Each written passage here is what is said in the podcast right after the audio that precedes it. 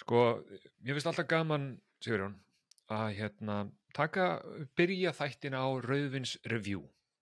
Já, Mér finnst það mikilvægt. Það er mikilvægt, það er Það komið er tíma á það. Já, og það, og það gerist ekki oft og, og hvenar það mun gerast aftur uh, get ég engu lofað. Af því að ég, núna var ég að opna síðustu flöskuna sem ég átt inn í hérna, nýja vínskapnum mínum. Mjög flottur. Uh, Er það, einhver, er það einhver vinskápur þinn, býttu nú við? Hvað, er það ekki bara Já. einhver skúffa á hann í, í eldhúsið það? Þú, sko, þú myndir halda það, en nei, ég er með vínskáp þar sem ég geymi allt mitt áfengi, ég er með kóktelaglösin hann uppi, ég er með kóktelashakerin og setti mitt ofan á honum. Vá, það er aldrei og- Já, já, kóktelabókin, sko, sem ég, ef ég þyrft að leiti henni, en auðvitað kann ég alla kóktela utanbókar, alla, sjálfsögðu. alla, hvernig, hvernig einasta. En uh, ég var í pínu krísu fyrir þáttinn, að því að eins og við rættum fyrir dag, þá, þá nefndi ég ekki í, í vínbúðina til þess að fjárfesta í meira víni.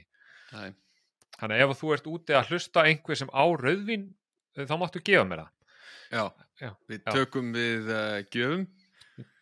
Já, við Við tökum við erum- gjöfum og, og, og erum tilbúinir að, að nafngreina þig ef þú hérna um, gefur okkur vín. Við erum mjög spiltir. Við erum mjög spiltir, sko, sem er svo sem kannski bara í tilöfni myndarinnar.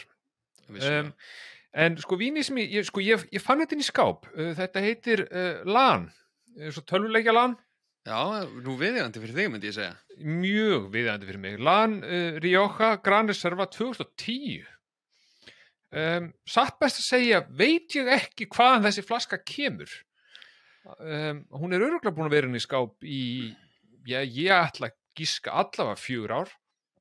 Ok, og hvaðan hún kom fyrir fjórum árum get ég ekki með litlu lífi munað eða vitað. Fegst hann ekki bara í, þú veist, gjöf frá einhverjum sem að vildi gefa þér svona því að stóð lana á henni eða? Nei, ef ég man rétt þá var ég fyrir nokkrum árum að vinna við litlu fyrirtæki og þeir gáða mér kassa víni í jólagjöf. Og ég man, þetta var áður en ég drakk rauðvin og ég hugsaði, hvað í fokkar maður að gera við þetta maður? Já. En ég setti þetta bara ekkert inn í eitthvað skáp, þetta er bara búið að vera þar. En sem maður sem drekkur ekki rauðvín og eiga hellinga rauðinsluskum þá er þetta fullkona tækifæriskjafi, sko. Aldrei glemma því. Fullkomna tækifærsgjafi, hvað er Já, það þú bara ert til, að- til áframgefa? Já, þú ert að fara hvert, grípa með flösku skilur, ekki, ekki svo vel. Þú veist, ef Já. þú ferð í matabóði, þið er náttúrulega ekkert bóðið í þannig, en ef þú skildir mig fara Nei. einhver tíman í þannig matabóð, þá þá er gott að taka með sér rauðinslusku og gera svo vel. Svo er, svo er rauðinsluskan opnuð af kurtisis sakir og, og allir fá og Já. talaði, "Æ, hvað er gott rauðvin sem komst með, já, tekk, blöð, eitthvað. Já, já, já. Það, sko, það, sko, það, er, það eru mar, margir hlutir sem ég er að gera í, í fyrsta skipti og, og eiginlega galið í rauninni að ég sé að gera þá í fyrsta skipti. Um, um, síðast, í, í síðustu viku þá gerði ég hlut í fyrsta skipti á æfinni Ok. Sem, sem er sem er galið af því að ég er vissulega norðan megi við þrítugt.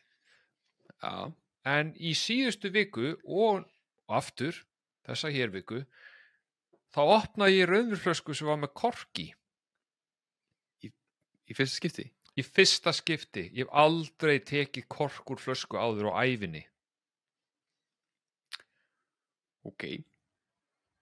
Það er, um, það er eitthvað. Það er hvað maður að segja. Gefur alveg aldrei ekki korkur flösku. Hvað er þetta? Jésús. Það er, sko, það, það er skrítið, Tryggvi. Það, er já, ég, skrítið. en þú, eh, þú mátt ekki gleyma ég byrjaði bara að drekka rauðvin fyrir ári síðan Já, já. og þá keipti ég bara flösku sem var með skrútapa því að það var þægilegt og ég átti ekki upptakara en ég fór og keipti upptakara í IKEA fyrir svona uh, Ertu búin mánuðu að- síðan ert- Ertu þess að að skila gömlu konu sem hliðina á upptakarnum hennar, eða? Já, já, hún, ég hrættur við hana þannig að ég skilaði honum um leið og ég búin að nota hann Já, þú bara annars- tókst upp korkin og fórst aftur yfir og sagði takk. Já, ég? Ég, Nei. ég, ég, ég afhendi hann þeim sem að kom með rauðinsflöskuna því að ég er ekki í hálfvitin sem kem með korkflösku inn í íbúinu mína á þess að segja upptakara. Þannig, þannig að ég afhendi uh, uh, upptakaran þeim sem kom með flöskuna og skilaði hann sem strax að því ég vildi ekki fá gömlu kunna að reyða til mín. Nei, nei, nei, nei. Það hefði meiri sem verið ennþá betra að það hefði neitt manneskjuna sem kom með flöskuna til að fara yfir banka og segja, heyrðu, ég gerði þau asnalegu mistök að koma með korkflösku heim til einhvers uh, og það sem að uh, svona upptakari eru þetta ekki að finna á, á heimilum meðalmannsins uh, þá var ég að spá hvort þú vel lifaða kona ættir svona upptakara fyrir mig. Já, já, ég meina, hún, erði, hún var, hún var feiki kluð til aðstofa með, en, en engur síður, þetta er svona kona sem er alveg skemmtileg, en ég vil ekki hafa hana reyða, hún, hún er skeri. Já, ég skil það svo sem að það eru oft, oft nákvæmlega sem að hrætti við sko. Já, það eru gömlu konuna, sko, gam- gamla konur eru annarkort, æðislar og ljúar, eða grömpi og skeri, það er ekkert annað. Já, það er annarkvort had enough of this shit eða Mhm. bara fín bara Bring the go- shit. Já, bring the shit sko Mm -hmm.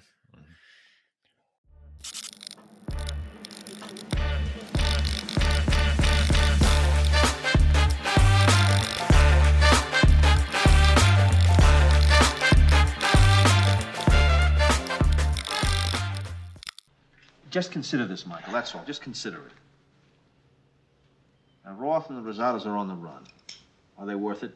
And are they strong enough? Is it worth it? I mean, you've won. You want to wipe everybody out? I don't feel I have to wipe everybody out, Tom. Just my enemies. That's all.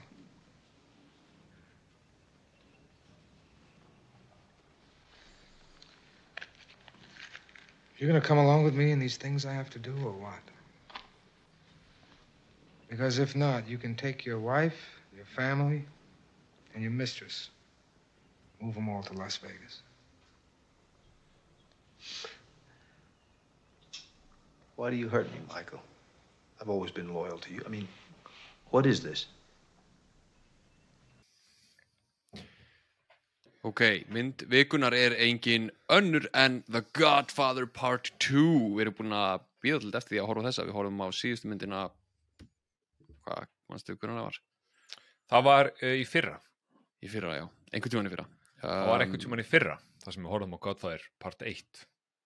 Já, ég man ekki hvernig það var. September eða eitthvað. Um, Við erum núna búin að horfa á, á setni hlutan um, Þetta er mynd sem að kom út 1974 uh, Hún er með einhverna nýja á IMDb Hún er í fjórðarsætti og bestu myndir alltaf tíma. Hún var til til 11 Óskarsvöluna Hún var 6 uh, þar á meðal Ég ætla að lesa þetta fyrir ykkur, ég man þetta ekkert þennan Mm -hmm. Uh, besta mynd, besti leikari í aukulhuturki Robert De Niro, uh, besti leikstjóri Coppola, besta handrit uh, best art direction og besta tónlist uh, hún var líka tilnæmt sem besti leikari Al Pacino, besti aukaleikari, besti aukaleikari besta aukaleikona og besti búningar þannig að þrýr af fimm bestu aukaleikurum sem voru tilnæmtur þetta ár kom úr þessari bíómynd Mhm. um, hún var í sjálfsögðu framhald af, af einni bestu mynd allra tíma þannig að það voru væntingar. Ok, þetta kom í lag. Um, já, það var eitthvað bilun, ég veit ekki alveg hvað var að gerast það sem ég var að segja var að hérna það var framhald af einni vinslustu mynd allra tíma og það voru sjálfsögðu væntingar. Um, en, en þessi mynd hérna var ég held ég hef ekki verið múin að segja það en hún var uh, fyrsta mynd til að vinna Óskarsvölun sem framhaldsmynd. Mhm. Og Þú varst- enn þann dag í hérna, dag- hérna, þú varst að segja þetta þú varst að, varst að segja þetta rétt á þann en þá þann dag er bara ein mynd að Lord of the Rings Return of the King og ég sagði, wow, Return of the King, góð mynd. Skilur Já, ég- mannstu það- ekki orð lengur Tryggvi, það er ekki hluta upptökunni sko. Ó, ég fór tilbaka og skoðaði hvenar Jésu, ég fór tilbaka og skoðaði hvenar upptökan kliftist. Hún Ah. kliftist svo sannarlega áður en ég sagði þetta. Ég eh, skál fyrir því, ykkur, okkur. Já, sem sagt það sem að Tryggvi var að segja var að já, Return of the King vann þetta sem framhaldsmynd en það er bara þessar tvær já, í, í mínum heimi vorum við búin að segja þetta sko, en Sigurjón í heimi Sigurjóns ekki. Þannig að hvað veit ég, ég er, það getur enginn fylgst með Sigurjóni. Try- Try- Tryggvi er náttúrulega mjög vanu því að vera bara live og þar eru bara hlutir skilur og þegar kemur klúður þá eru bara allir hluti að því.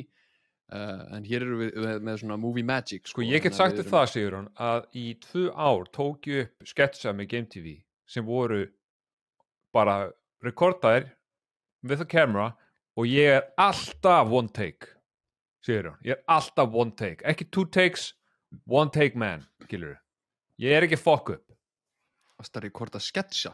Já, þú veist, vídeo, við vorum að taka upp töluleiki og sem vorum að publisa já, það er flókið með þér Uh, allavega sk- bíddu, ah, já, ok. Ég, sorry, það er bara hvað að þeim. Tölvunum mín er að, að segja mér að það sé ekki pláss en það er nóg pláss, ég veit ekki. Sorry. Uh, allavega hana hérna, ég ætla að lega þér að segja hvað myndin er um hvað myndin er um? Já, segðu mér um hvað er The Godfather? 2 Uh, já, Godfather 2 er, er, er eins og Sigurinn er búin að uh, taka fram framhald af Godfather 1 það sem við fylgjumst ekki lengur með uh, Marlon Brando sem Vito Corleone heldur Robert De Niro sem Vito Corleone og líka Michael Corleone. Um, þetta er náttúrulega bara svolítið ævintýri sem þeir eru að lenda í uh, þeir lenda í reppingum og hremmingum og alls konar orðum. Og hérna við erum svolítið að skipta tilbaka, switcha uh, með hverjum við fylgjumst. Myndin er uh, löng, hún er mjög löng en, en þeir lenda í alls konar uppátækjum, vandræðum uh, það eru morð ráðgáttur og, og mikil spenna í rauninni allan tíman Takk fyrir mig Vá, þú bara actually gerur þetta vel, það er bara ótrúlegt. Ég bjóst ekki við og myndi gera þetta svona vel. Uh, ég var ánægð með þarna reppingum og hremmingum hjá Já, já, hey, one take man. One take man. Ha, ok, ha, ég samþykki það. Mm -hmm. í þetta skipti. En þú veist, já, ég meina þú veist, ég, sko, ég, ég, ég sagði það í lók síðasta þáttar, ég meina, ég hef aldrei, ég hef aldrei séð gott fyrir eitt, ég hafði ekki séð þessa mynd. Ég er auðvitað sjálfsög alltaf hrættur við mynd sem er rúmir þrýr klukkutímar. Uh, en það byrjaði ég að horfa á þessa mynd klukkan nýju í gær og var búinn uh, hálf eitt. já, byrjar eiginlega aðeins og sent Já, ég, veist, ég þurfti bara að veist, stunda líkamsrækt hugsa og næra líkama og sál uh, borða kvöldmatt, næra líkama og, og skilur bara hlutir í mér, svona er þetta bara veist, það, er, veist, það er ekki kannski eðlilegt að maður taki frá fjóra, fimm tíma fyrir okkur fokki bíómynd, segir hún Heru, þú veist, á, uh, sko uh, uh, hún er samt á rúmir þrý tímar, hún er þrýr klukkutímar og 20 mínútur þessi mynd. Já, hún er þrýra hálfur. Já, hún er ekki þrjá hálfur, hún er, hún er án kredilistans er hún svona þrjá og 15 þannig að við skulum hafa þá á hreinu, hún er ekki þrjá hálfur. Hún er þrýr klukkutímar og 30 mínútur. Ok, ok, hún er þrýra og 20, ok, sorry, hún er það. Á, Em, flott. En sko, ok, ég meina þú veist Mér fannst gott fóður eitt mjög góð. Um, Godfather 1, við skulum hafa þá á hreinu og Godfather 1 er að öllu leiti fullkomin bíómynd.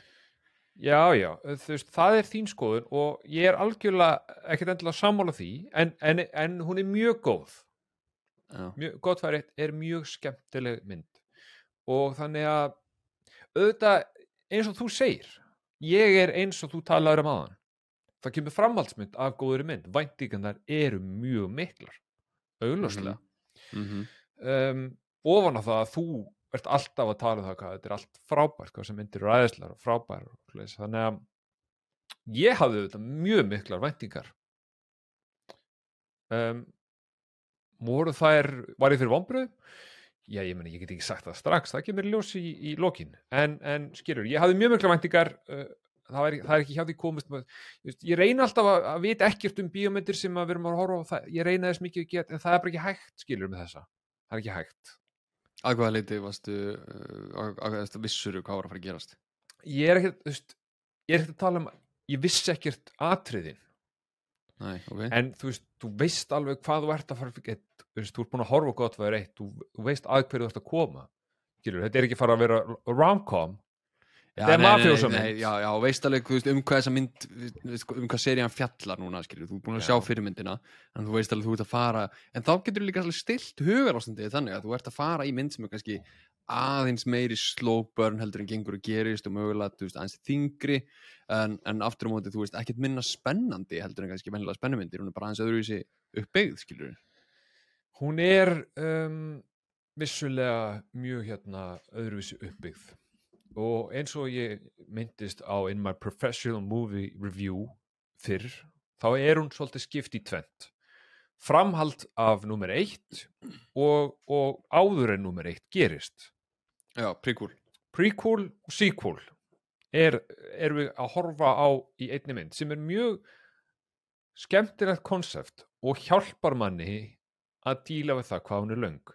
Af því að og ég, ég skrifaði tvær blaðsjur af punktum. Skiljulega Vá, Skil- sæll. Varst að brjóta með þetta? skil, já. Ég hef aldrei skil, skrifa svo mikið en auðvitað ger ég það þegar hún er svo löng. Ég skil það náttúrulega, já, því hún er svona löng skilur, en tvær blaðsjur, það er ekkit það er ekkit smádri. Það er Það er ekkert einhvern staðar einhvern tíma ástum með eina hálfa blaðsju, hvort það hefur verið vikkar með hann eða eitthvað. Ég hef aldrei verið með minn en eina sko. Nei, nei, ok, ok. Ég er yfirlegt með rúma, rúmlega eina en hérna árum í tvær og ég hefði ekki að skrifa meira sko.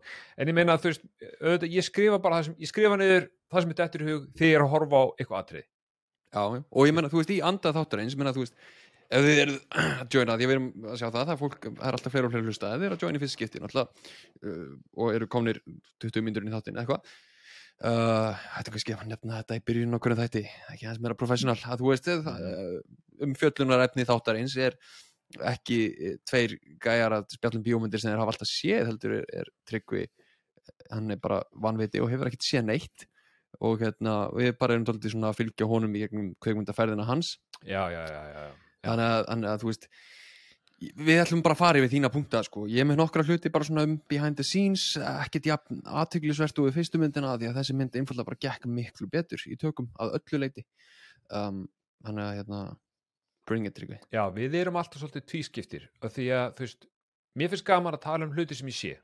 Endur lifa atriði og atriði og en ég þú veist, reynir samt sem áður kannski að passa mig að vera bara ekki að þelja upp atrið eftir atrið eftir atrið, þetta er svona eitthvað og svo, svo skrifa ég ókslega mikið og svo reynir ég svona að, að filtera út um, ímislegt en, en þú ert auðvitað með svona meiri facts, veist meira um myndirnar og ég meina þetta, við erum alltaf a deadly combo.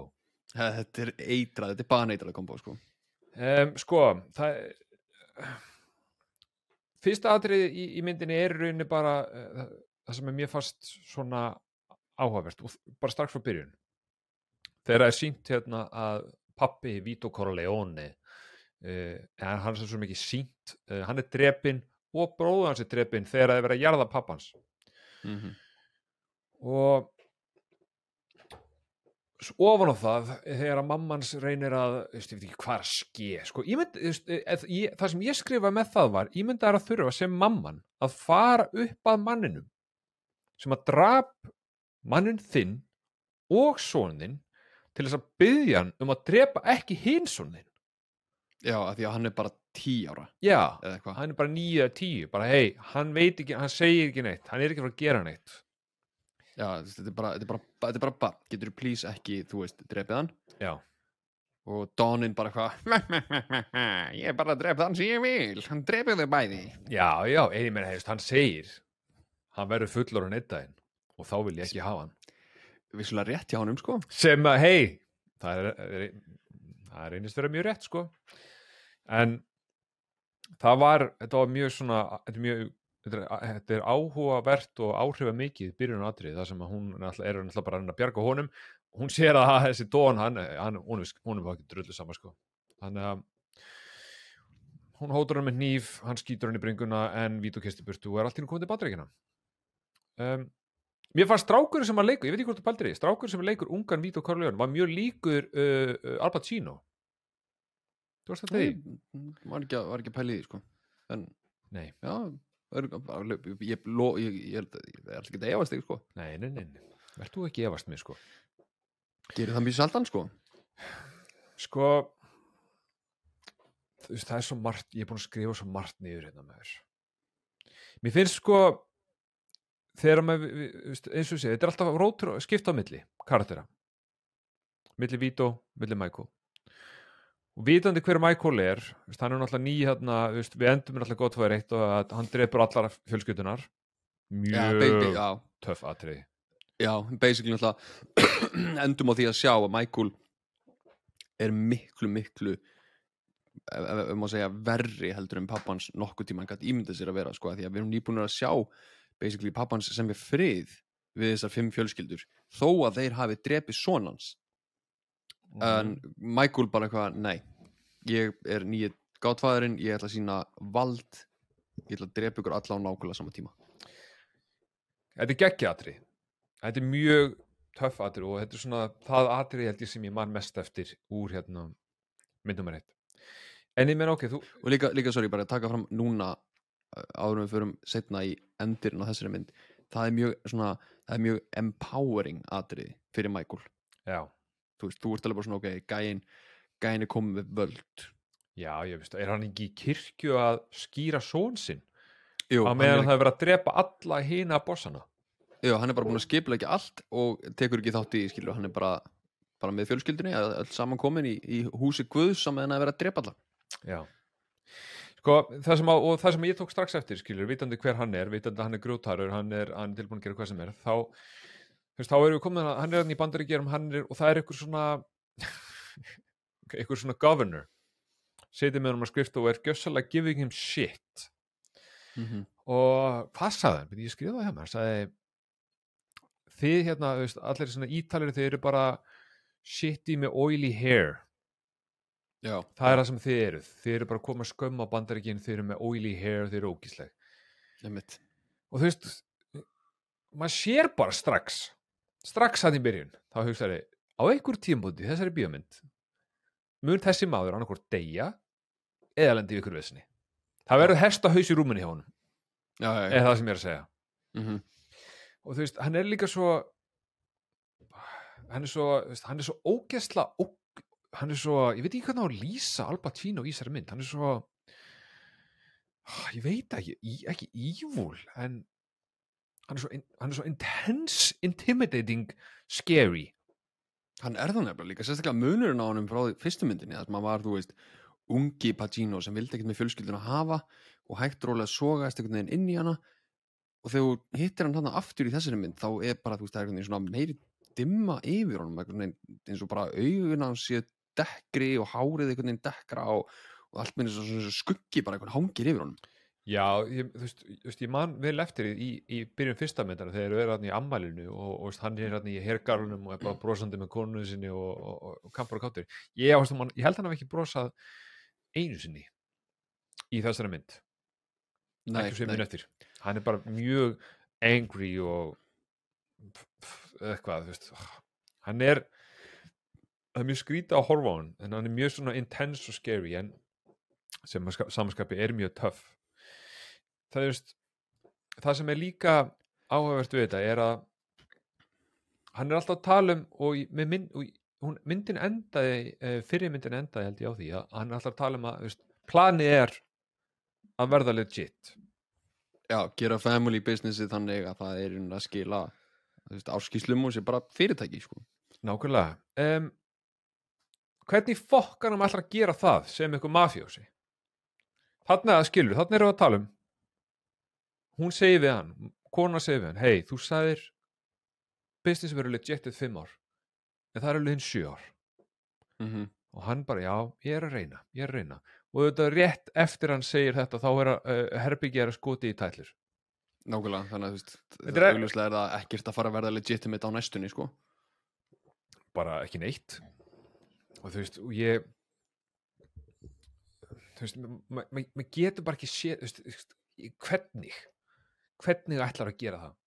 Þú veist, alltaf með gamla gangsters sem vilja vera gangsters. Þeir vilja bara, þú veist, þeir eru bara old school og þú veist, þeir trúa bara hei, ef ykkur, ef ykkur disrespekta mig I better kill you. Ég sem er líka nákvæmlega sem að hann hugsar ennþá, skilur við, já, sem að náttúrulega kemur setna í myndinni, en þú veist, maður sér náttúrulega, maður sér alveg tilraunir hans til að kannski reyna að gera fyrirtækið ekki, eða mafíuna, ekki alveg jafn mikla mafíu með því að vera fjárfæst í þessum hótelum sem hann er, nei, kasínóm sem hann er að gera hérna í, í uh, Las Vegas. mm Þú veist, það er allavega einhver tilraun, skilur við, málega bara leiðin sem hann er að fara að því er náttúrulega bara mafjósa leið. Já, já, með öðrum gæjum sem eru líka ekki mafjós en þeir eru eitthvað annað, eitthvað öðru klíkur Já, bara einhverju spiltir viðskiptamenn, basically, sko. mm þú veist, og, veist, og hvern, já, þú veist maður, maður horfði bara á þetta og ég hugsaði bara og ég, ég, ég sagði upp átt bara, herru, þetta er bara skefinur þú veist, svo náttúrulega er hann bara skotin, eða er skotið á þau. Um, þetta er, veist, og ég meina, þú veist, og þetta náttúrulega verður þráðurinn áfram. Þú veist, þetta hérna hann, hann er alltaf að reyna að, að vera legit en þetta verður bara verður, verður bara og verra, og verra. Já, þetta er ekkert að fara í áttina að sem hann lofar konu sinni, þetta er bara að fara í hín áttina mm more killing og veist, more fucking chaos. Um, skemmtilegi parturinn og mikilvægi parturinn við þessa mynd um, svona fyrir lengdin á henni sjálfsög, eru skiptingarnar.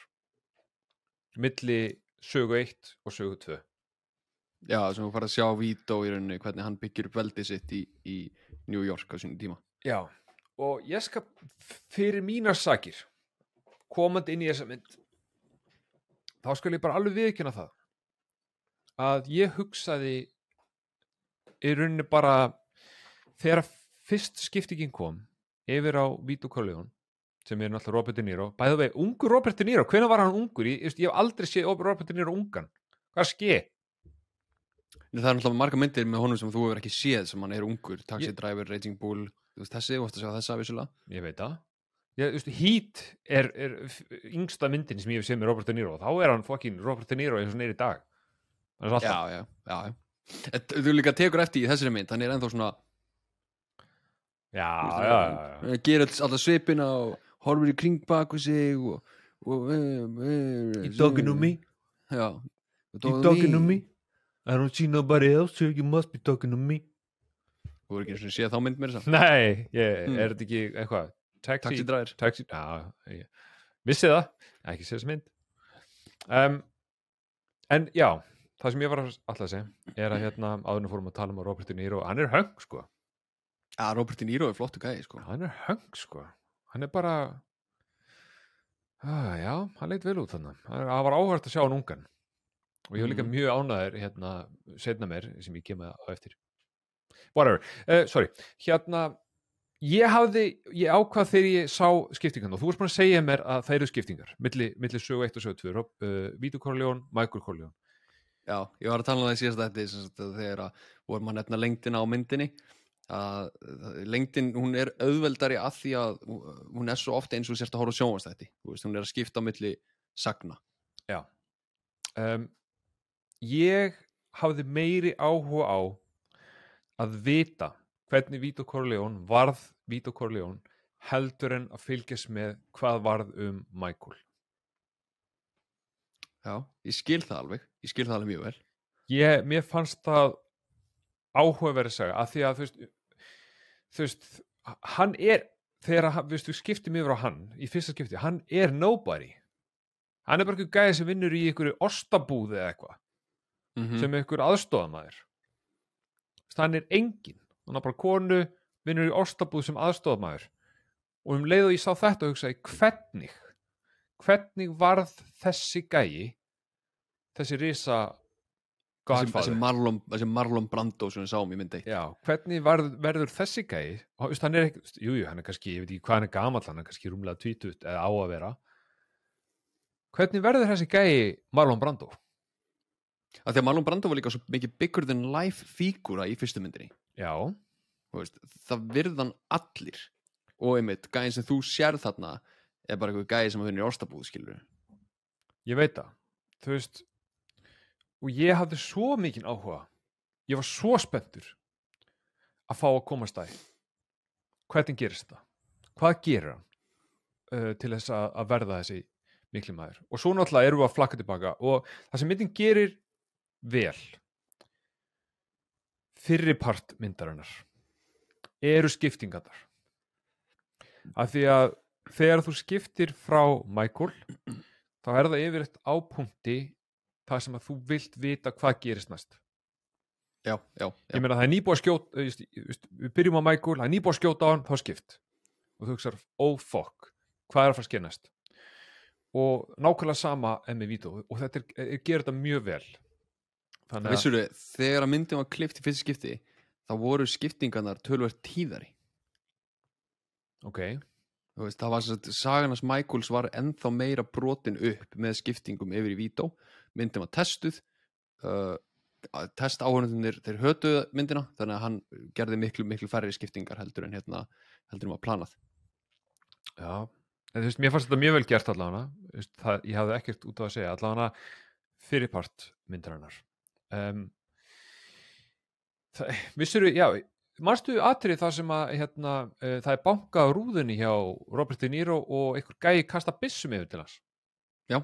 Já, vissur að þetta eru sömu gluggar og er í, í Friends það sem að Joey er að syngja Mornings Here? Er þetta nákvæmlega sem gluggar? Nei, ég er bara fokkið, sko, ég liti trúa. Já, þetta er, alveg einn setup sko. Ég veit það. Ég ba, ba, Báðar myndir eru Nei, Universal og Warner Bros. Nei, sorry, ok Það hefði getið verið sama lott sko. Já, ég veit það. Ég, bara, ég sá þetta bara, ég hugsaði um þetta ég hugsaði, ég ætla að reyna að láta Sigrun halda að hérna, þetta sé, þetta sé uh, sama. Good job Uh, thank you. Thank you. um, Já, sko, ok, þú talar um skiptingarnar í, í fyrir hlutamyndarinnar, það er allt í lagi, ég menna, þú veist, ok, ég, eh, ég var ennþá eftir að heyra almennilega hvað þið fannst um þessa mynd. Mm -hmm. Um, sko, það sem að mér finnst eins og það er aðdeglisvert, sem að ég nefndi við þig fyrir í dag, er að hérna, þessi mynd og atriðin frá Michael, þú ert að fá basically heilar bíómyndir í hans atriðum. Þessi eina bíómynd, sem er 3 og 20 vissulega, Já. og þú ert að horfa á svona fimmparta kvikmyndaleik gerast í einni sögu. Já, og þá meina ég þú veist, þú veist með dómsmálið það hefði getið verið heil bíómynd og hefur verið gert bíómyndur um það eins og gott í og svona drast uh, svo ertu með hemdarsöguna og þú ert með þú veist eh, hérna, kúpusöguna og, og svo ertu með þú veist Vító sem mjög ungan og svo ertu með Vító þegar hann er svona eiginlega að establisha glæpa gengi sitt en hann það hoppar bara á milli skilju það er bara sagt bara, heyrðu, honum tókst þetta. Uh, en, en Coppola, hann er bara, heyrðu áfram með smjörið, þú veist fylgdu bara inn í eðuna sjálfur, uh, þetta gerist bara þú bara veist að því. Það er galið að hugsa um, být, já, ok, réttsöður, allt réttsöður. Það er samt sem að galið að hugsa að mynd sem er 3 klukkutímar 20 myndur þarnist þess að þú fyllir í eðunar. já, það er rosalega, það gerist líka ógeðslega fucking mikið í þessari bíómynd. Já, vissulega, ég meina þú veist, ég sammála að það gerist ógeðslega mikið. Og það sem að mér fannst svo gaman er að hérna, aðalmaðurinn sem að Michael er með, hérna Roth já, Minnum Hyman Roth. Hyman Roth, minnum alltaf Rothschild. Varstu þetta þeirri fjölskyldu? já, Alltaf því, líka. er það tilvílurinn eða? Og hann heitir Roth. uh, það er tilvíðun þessi, þessi karakter er ekki byggður á alvöru gæja sem var levandi þenn tíma. Og hann ringdi í mögulega Coppola, ég veit ekki, hann ringdi í einhvern, kannski framleiðanda og sagði hérna að því að þetta var svo augljóst þetta var byggt á honum og sagði hérna, gæst ekki allavega gert mig aðeins meira likeable? Þú veist, ég er afi sko Já, einmitt. Mér fannst hann ekkert Sko, mér fannst hann alveg góður. Ég fílaði Roth. Var- og það, og það er svo það sem er svo gaman við þeirra samband Michael og Roth er þetta non-stop uh, plot twist. Þetta, eða þú veist, plot twist að því leiti til að, að þú veist ekki neitt hvort að einhver sé að segja einhvað satt. Já, einmitt þeir bara, þeir tala um þetta þeir alltaf gera þetta, þeir eru geðveik bari bari, guri guri, allir flottir. En sem leið og að skiptist af þeim þá er bara eitthvað allt annað. Þá er það bara eitthvað allt annað. Já, meiri segir atriða sem að þeir hittast og eru bara hvað að tala bla, bla, bla, um allt. Svo er það atrið búið og það er klift af Michael að tala við um, hvað heitir lögfræðingurinn áttur? Bróður hans, Tom Hagen. Og hann segir við hann, já, Roth er að reyna að drepa mig. Og maður bara svona, what? já, en svo segir, já, en svo segir við einhvern annan já, já, já, hann segir Roth líka, Frankie. Frankie var að reyna að drepa mig. Já, já, já, til að þú veist láta hann halda að, að, að hann veit ekki hver alvöru gæinn hafi verið. Já, þú veist, eina sem þetta gerði var að láta mig ekki að vita hver ger, fokkin gerði ég veist ekki neitt maður, ég var bara, hver í fokkunum gerði þetta? En auðvitað er það the point. Já, myndin er aðeins að reyna svona aðeins að gera þig líka aldrei hissa. En það er líka gaman að hugsa þess sko, ef að myndin væri sögð frá sjónurhóttni Roths, sem er mjög auðvelt að setja sig í spór þess, því að þá væri hann náttúrulega aðalega að tala um það að hann vilji drepa Michael af því að hann er svo hættulegur. Já, Þess, hann er svo óútreiknanlegur og hættulegur og ef hann ákveður eitthvað þá er það bara framkvæmt. Þannig að þú veist, ef maður hugsa um myndina frá sjónurhóttni Roths þá er það bara, heyrðu við þurfum að losa okkur Michael af því að gæin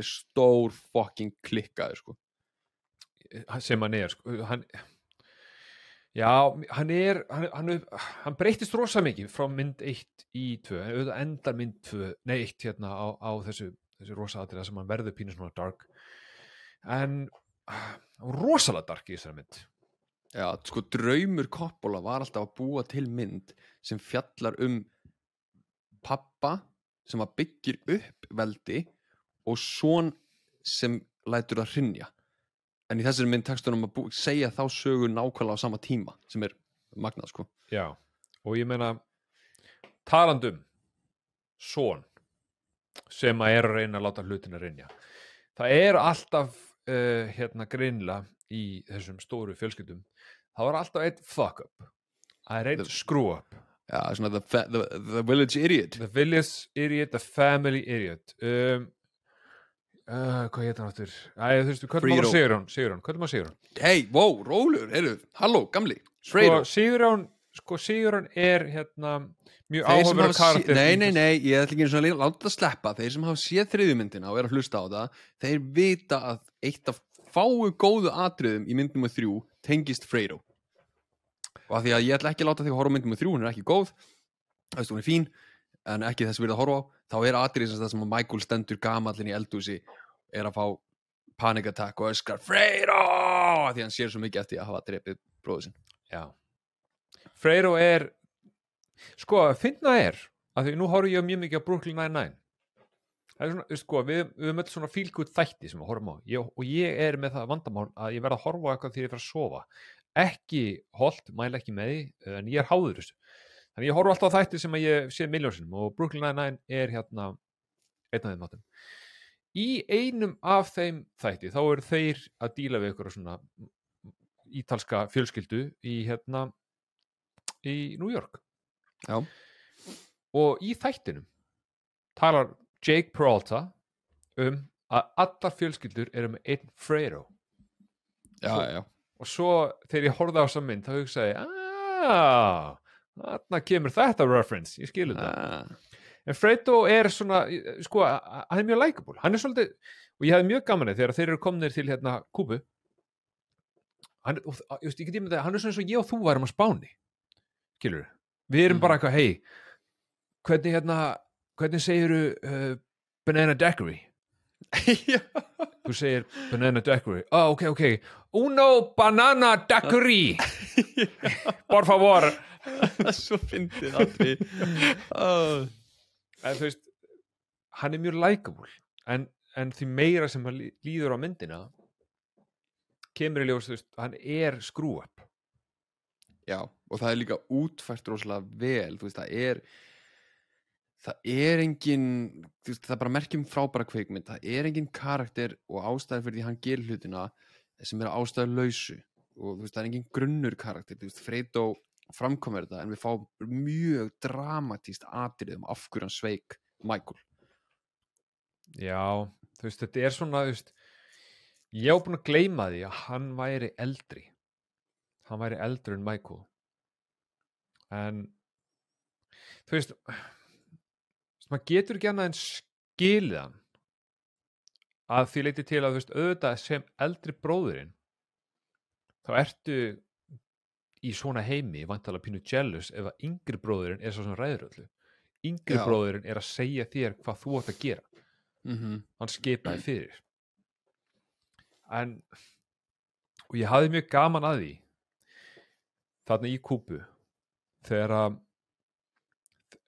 þeirra, veist, Michael spyr hann þekkiru þennan hérna, aðstofamann Roth? Johnny Sin eða eitthvað. Er Joe Angelo eða ekki? Ha, ha, já, Johnny Sins er klámyndalegari, sorry. Um, hérna hefur ekki hefur ekki uh, hefur ekki sem mýmið af sköldbólta klámynda já, ha, ok. Já, ok. Uh, já, hérna um, oh my god, hvað fucking heiti gæinn? Oh, ég verð hjálp. Hjálp. Joe Angelo. Ekki Johnny Sins. Joe, Joe Angelo. Já, já. Joe, oh, Ah. oh my god. Aðja, erðu Ok. hérna ok um, já, velkomin í heimbjó velkomin í he he heimabíó það sem að allavega uh, já, það sem að uh, oh my god æjæjæj. Já, ég hafði mjög gaman að atriðinu þegar Michael spyr þekkjuru þennan mann? Og hann segir nei ég hef aldrei, ég, ég, ég hef aldrei hitt hann. Ég hef aldrei hitt hann henni gæða og svo fyrir við aðeins lengra inn í atrið það sem eru komnir á mjög skrítin greinilega fuck klub það er bara verið að fara að ríða ykkur gellu og gæði með risa stippi sem kallaði Superman já, já, já, já, já. Eitthvað bara, bara mega space dæmi sko. monster cock skilurðu. já. og þessi senator sem að við sáum í byrjumyndarinnar spyr bara, spyr Freyro hvar farstu hennar stað og þá segir, missir hann úr sér hérna, Johnny Sins hann hérna sagði mér, hann kom með mig hann síndi mér hann stað kom með mér og síndi mér hann veistu, þá um leið og hann sagði þetta áður en það var skipt yfir á Michael þá hugsaði ég, ó nei. Ó, ó nei. fuck. Hvað varst að gera þarna? Og svo náttúrulega skipt yfir á Michael það sem hann er bara mm -hmm, þetta, er, þetta, það, er, það, er, það er líka það er svo vel leikið hjá Al Pacino. Mm maður sér hann bara brotna niður því hann er átt að sjá því að hann allan tíma þá hann búin að komast að því hver sveikan innan fjölskyldunar og þú veist, þú sérð bara hvernig andlit á hann hrinja og hann bara svona dettur bara svona inn í sjálfan sig og er bara, nei ég bara ég trúi því ekki að það hefur verið Fredo já, þú sérð bara the betrayal á andlitur á hann Já. Vist, Al, uh, Al Pacino maður. Al Pacino er svo góður. Það eru sko það eru allir góðir í þessari mynd, það eru allir góðir leikarar að því, mm Mhm. að því leiti minna ég og það er þú veist, þú veist og ég hugsaði, ég með þess að skrifa hjá mér þegar að ennþá núna þó ég sé búin að sjá gott hvað er eitt þá finnst mér skrítið að heyra Al Pacino ekki segja húa sérstaklega þegar hann fyrir að öskra Já, þarna með þess að erum við alveg með sko, við erum með svona smá hann er, er smá byrjaður þarna, tekur eftir því mm -hmm. Það er svona komin aðeins meiri svona sérstaklega þegar það líður á myndina þá komin smá svona meiri svona grám í röttin hans einhvern veginn og hann svona uh, You're not taking away my children. Og maður bara heyri bara svona Úa! já, já. Ég veit það. Það er, þú veist, og ég held að að það var akkurat á þessum tímu þessum ég hugsaði þarna, það var pláss. Það er pláss. Það er pláss fyrir eitt húa. Hendi hann, hendi hann. Hen, gerðu það bara það, það var, það, sko, eins og við rættum þá í síðustu mynd, það var náttúrulega stæðsta vandamáli var Marlon Brando. Uh, í þessari mynd var stæðsta vandamálið Al Pacino. Af hverju? uh, hann var hann svo stór hann stækkaði svo hratt. Svo, hann bara frá Godfather 1 Hann- í Godfather 1, bara til samburðar í Godfather 1 fekk hann 25.000 dólara fyrir að leika Michael Corleone, eitt af stæðstu hluturkonum mm mm. -hmm. því að svo mynd vissulega fjallar meira um Michael Corleone heldur en Vito, alveg svo þessi mynd. Já, uh, 25.000 dólar í þessari mynd fekk hann 500.000 dólara pluss 10% af gróðanum. Fekk hann 10% af gróðanum? Pluss 500.000 dólara þannig að hann 20-faldaði launin sín og fekk 10% af gróðanum. Það er rosalega mikið. Nú ert þú tölfræði nörd manstu hvað þessi mynd eða stu meðaukstur hvað þessi mynd grætti mikla peninga? Já, ég er með það hérna maður sjá. Uh, Þetta er náttúrulega vissulega er þetta uh, á þeim tíma 1974 uh, kostaði 13 miljónir krætti 47 miljónir dollara á heimsísu já. Einmitt. Grætti mikið penning ég meina þú veist, þú veist, þú veist Al Pacino hefur alltaf verið stór en mér fannst mjög áhugavert að hann var í rauninni vola lítill þegar hann lék í Godfather 1 Já, það var ekki fyrsta hlutverki hans. Tölum við ekki um það síðast? Jú, ég er að skoða IMDb hans. Þetta er eitthvað, ég veit ekki hvað, þetta er eitthvað drasl bara hérna. Svo ekki með Scarecrow, Serpico Serpico. Er mjög frægmynd með honum. Uh, Hann er nýbúin að gera hana á undan Godfather 2 já, sem að er líka eitt af ástafanum fyrir því að það var svona erfitt að vinna með honum í ásettinu og gátt 2 að því að hann var alltaf öskrandi og hann var alltaf brjálaður. Það tók 104 daga að taka þessa mynd upp. Og hann var alltaf öskrandi Serpico only took 19 days. Já, þannig að hann, hann, var, hann, var strax komið svo mikla stæla að jötna, hann var bara brjálaður. Heldur að Al Pacino sé kallaður Al Pacino alltaf?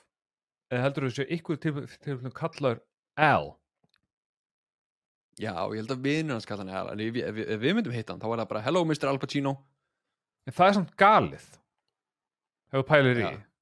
já, þú veist, ég mynd, ég, ok stoppum aðeins, pældu í því að Al Pacino heitir Al já, Al Al, sem er minnst badass nafn í heimi Something's brewing at D&D. Wow! Al Pacino! It's not Al anymore. It's Dunk. Dunkachino? Don't mind if I do. What's my name? Dunkachino! It's a whole new game. Dunkachino! You want creamy goodness? I'm your friend. Say hello to my chocolate blend. Attica, hooah, lottie light. This whole trial is out of sight. They pull me back in with hazelnut too. Caramel swirl, I know it was you. Everyone wants my Dunkachino. Can't get enough of my Dunkachino. Kids from 7 to 17 lining up for my Dunkachino. What's my name? Dunkachino! Ah, Dunka, Dunka, Dunka, Dunka, Dunkachino! Það náttúrulega getur ekki, það hlýtur að vera stage name hans. Já, hann heitir Alfredo James Pacino. Alfredo Al, Al Pacino. Ah, já, já, Þetta er eins og Robert De Niro, alltaf þegar maður er að hlusta, ef maður að hlusta á svona podcast þar sem svona frækt fólk er að tala og það er um Robert De Niro, þá segir alltaf Bob. já, Bob já, einmitt Eða þú veist, það er eitthvað skrítið við Bob De Niro. já veist, það, er ekki, held, það er ekki hægt að segja þessu nöfn á þess að segja öll nöfnin segir ekki bara Ro De Niro eða eitthvað, segir alltaf Robert De Niro Robert De. Niro. Robert De Niro Al Pacino. ég var samt mjög ánæður sko, við færum okkur aftur í myndina þá er ég mjög ánæður að eins og ég segi í byrjun að senatorin sem kemur hann rífi kjaft, ég hugsaði það verður hestahaus í rúmunas það var ekki nákvæmlega það Það var bara miklu, sorry, fullkomin, þetta er svo góð speiklun já, á sko Vito versus Michael. Vito, þegar hann er ósamála við einhvern, hérna, það var líka einhver svona, einhver gæi, einhver svona congressman, eða já, jú, jú, jú. Já, já, já, nákvæmlega. Ósamála honum, sker, hest, sker hausina upp á alls hestunum hans. Í þessari mynd, þá, uh, já, þú kannski bara segja frá því. Já, í þessari mynd af því að Michael er um, eins og kemur meir og meiri ljós snar geðveikur um, hann er ekki þessi sjarmur sem við heldum að væri hann er snar geðveikur þannig að í staðin fyrir að skera hestahaus og setja hann upp í rúm þá drepur hann konu. Hann, hann dröggar the senator þannig að hann man ekki neitt og, og vaknar veist, og auðvitað er, er the senator að sója á vændiskonum. Af hverju er alltaf þessi bandaríski senators að sója á vændiskonum? Það er alltaf eitthvað þeng í bíómyndum The American way, boy. Já, hei Donald Trump, skilur við, hei, við vitum allir að þú sástu þessari konu þarna en Mm. hérna en já, hann er greiðlega svo við okkur í vendiskonu og þeir druggan hann passar át og þá bara drepa hann ykkur konu svo hann Já. getur vaknað við hliðin og hugsað hvað í fokkanum gerði ég gerði ég þetta þannig að hann, veist, það er e- engin leið til að segja að þú veist, hann hafi ekki gert þetta en hann endur tekur oft og mörgur sinnum þú veist, ég man ekkit hvað gerðist, ég man ekki hvað gerðist ég man ekki hvað gerðist og þeir bara, hei, hei, galli minn, við græjum þetta. Það er ekki ágjur þessu. Myndu bara, en myndu hver, myndu hver er að redda þessu? Já, pældi því. Hann er ósattu með hann. Honum vantar eitthvað á honum þannig að þeir bara drepa ykkur gælu ykkur og þetta er líka, þú veist þetta er líka bara eins og hann hugsa skilur hei, ég man þegar pappi skar hausin á hestinum. Ég veit hvað ég geri. Er bara vændiskonu, Mhm. það er ekkert mál. Er, þetta er þetta er miklu galið að segja að að við erum að tala um að skera hestahaus en þetta er tölvöld meira darkmynd já, já, um, sko uh, vandamáli mitt við þessa mynd uh, og uh, eitt af því og fyrsta er það að eins og ég myndist á áðan þá vildi ég vita hvernig Vito Corleone var það sem hann er. Um, í gegnum söguna hans þá er þessi, þessi gæja þessi, þessi maður sem að, uh, er að uh, krefjast fá svona vendunarpenni, protection money frá hverfinu. Og, það, og, ég, og ég man út af ykkur ástæði mjög vel eftir þegar að Robert De Niro eða, eða Vito segir af hverju er þessi ítali að kreista peninga út úr öðrum ítölum? Mm og sem að sýnir rosalega mikið hvernig hann hugsar finnst mér. Og, þú veist, og sem er mjög eðlilega pæling. Og í byrjun er þessi maður sem að kalla sig einu glæsilega The Black Hand um, mjög svona intimidating.